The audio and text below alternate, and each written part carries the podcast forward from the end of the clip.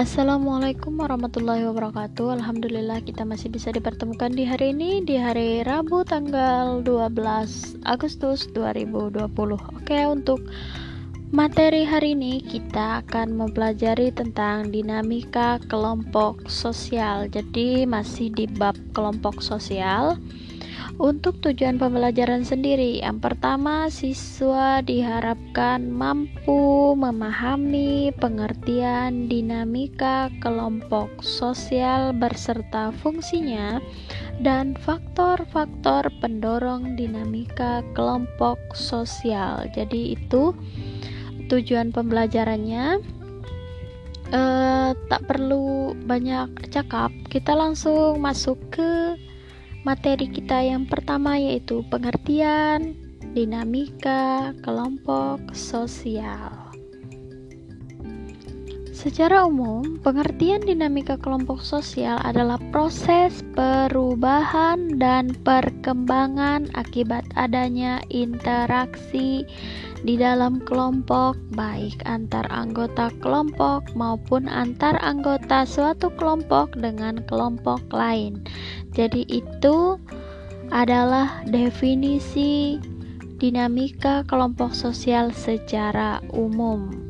Ibu tekankan di sini, uh, dinamika itu adalah proses perubahan dan perkembangan yang dialami oleh suatu kelompok. Jadi itu untuk pengertian dinamika kelompok sosial. Kemudian kita lanjut ke fungsi dinamika kelompok sosial.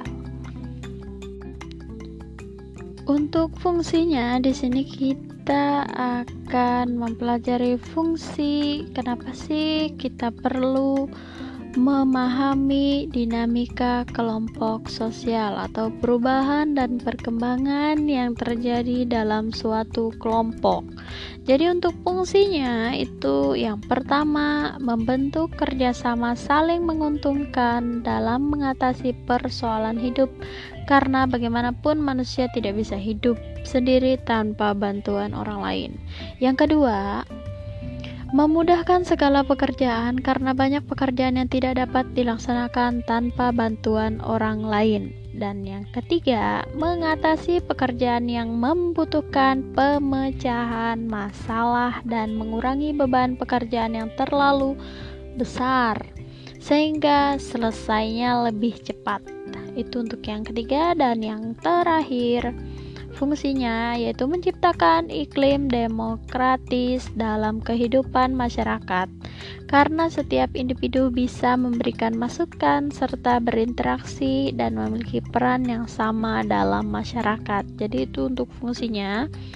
Ibu ulangi lagi yang pertama itu membentuk kerjasama saling menguntungkan Yang kedua memudahkan segala pekerjaan Yang ketiga mengatasi pekerjaan yang membutuhkan pemecahan masalah yang keempat, menciptakan iklim demokratis. Oke, itu untuk fungsinya. Kita lanjut ke materi yang selanjutnya yaitu faktor pendorong dinamika kelompok sosial. Sebelum lanjut ke materinya, Ibu ingatkan kembali jika ada yang tidak dipahami dari apa yang Ibu jelaskan, bisa ditanyakan nanti di grup WhatsApp kita jadi bertanyanya sama seperti sebelumnya uh, tulis nama lengkap kemudian na kelasnya serta apa yang ditanyakan Oke, kita langsung masuk ke faktor-faktor pendorong dinamika kelompok sosial. Bicara tentang faktor pendorong dinamika kelompok sosial, di sini ada dua faktor.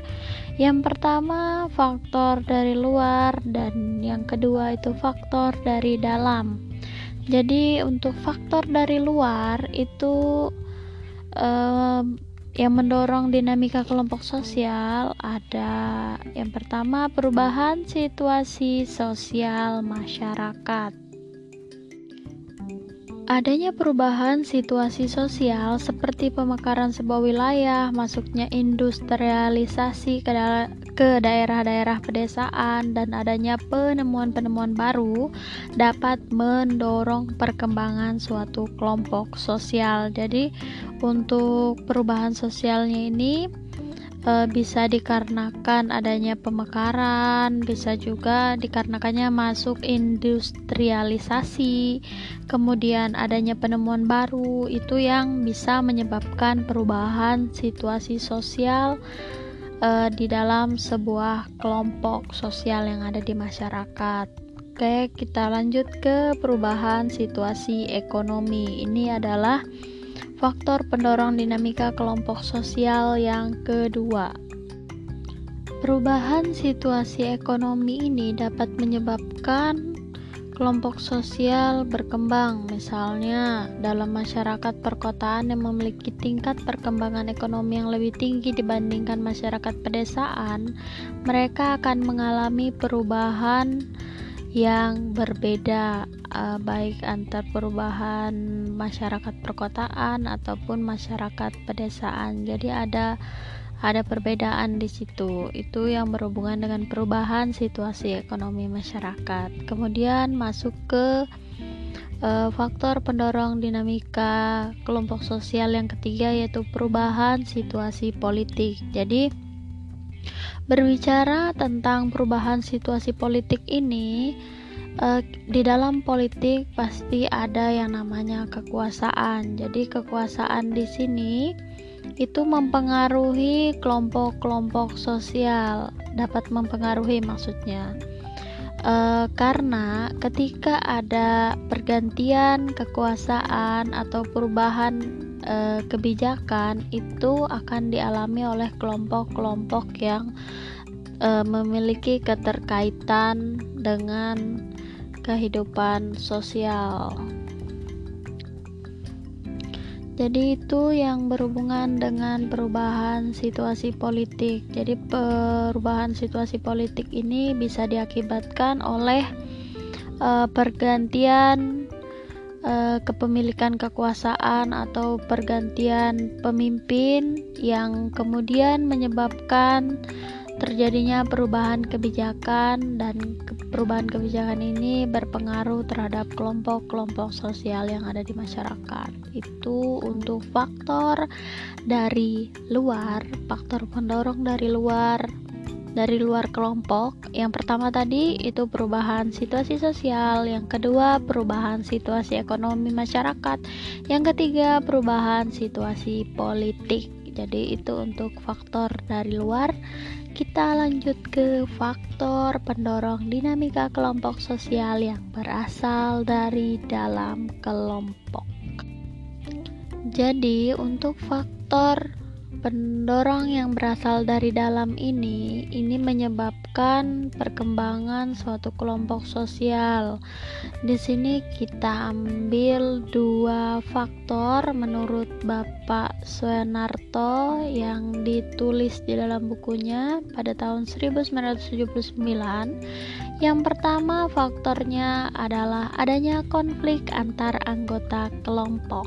Jadi, konflik yang terjadi di dalam kelompok dapat menyebabkan keretakan dan perubahan pola hubungan sosial. Misalnya, seseorang yang merasa termasuk ke dalam in-group, in-group kemarin adalah sebutan untuk orang yang ada di dalam kelompok, suatu kelompok sosial, karena terdapat konflik, maka menjadi out grup dari kelompok tersebut. Jadi di sini karena adanya konflik antar anggota kelompok, seseorang yang awalnya adalah in group atau bagian dari sebuah kelompok bisa saja dia keluar daripada kelompok dikarenakan adanya konflik tadi. Jadi dari in group itu bisa merubah posisi anggota dari sebuah kelompok tersebut yang awalnya anggota kemudian dia keluar daripada kelompok itu uh, faktor pendorong perubahan dari dalam yang pertama. Kemudian yang kedua, karena adanya perbedaan kepentingan. Jadi yang namanya kepentingan ini di sini sangat mempengaruhi atau bisa membuat suatu kelompok itu terpecah-pecah karena pada intinya yang namanya kelompok itu mereka memiliki kepentingan yang sama. Jadi ketika ada uh, suatu kondisi atau keadaan di mana di dalam suatu kelompok anggotanya memiliki kepentingan yang berbeda, maka otomatis kelompok tersebut akan rentan sekali mengalami yang namanya perubahan. Oke. Yang berakhir pada eh, pengakhiran atau pembubaran sebuah kelompok. Oke, itu yang kedua. Yang ketiga, faktor pendorong dinamika kelompok sosial yaitu adanya perbedaan paham. Perbedaan paham di antara anggota kelompok sosial dapat mempengaruhi kelompok sosial secara keseluruhan. Hal ini dapat berpengaruh terhadap keberadaan suatu kelompok sosial. Jadi, sama seperti kepentingan tadi yang namanya paham, ketika ada di dalam sebuah kelompok yang memiliki paham yang berbeda, itu akan uh, sulit sekali kelompok tersebut bisa bertahan lama karena uh, pada dasarnya kelompok sosial itu harus memiliki kesamaan. Jadi ketika ada perbedaan berarti uh, sangat sulit sekali untuk bisa disatukan ketika ada anggota yang memiliki paham yang berbeda. Berarti kelompok tersebut sudah mengalami uh, apa ya? Ujung dari ini uh,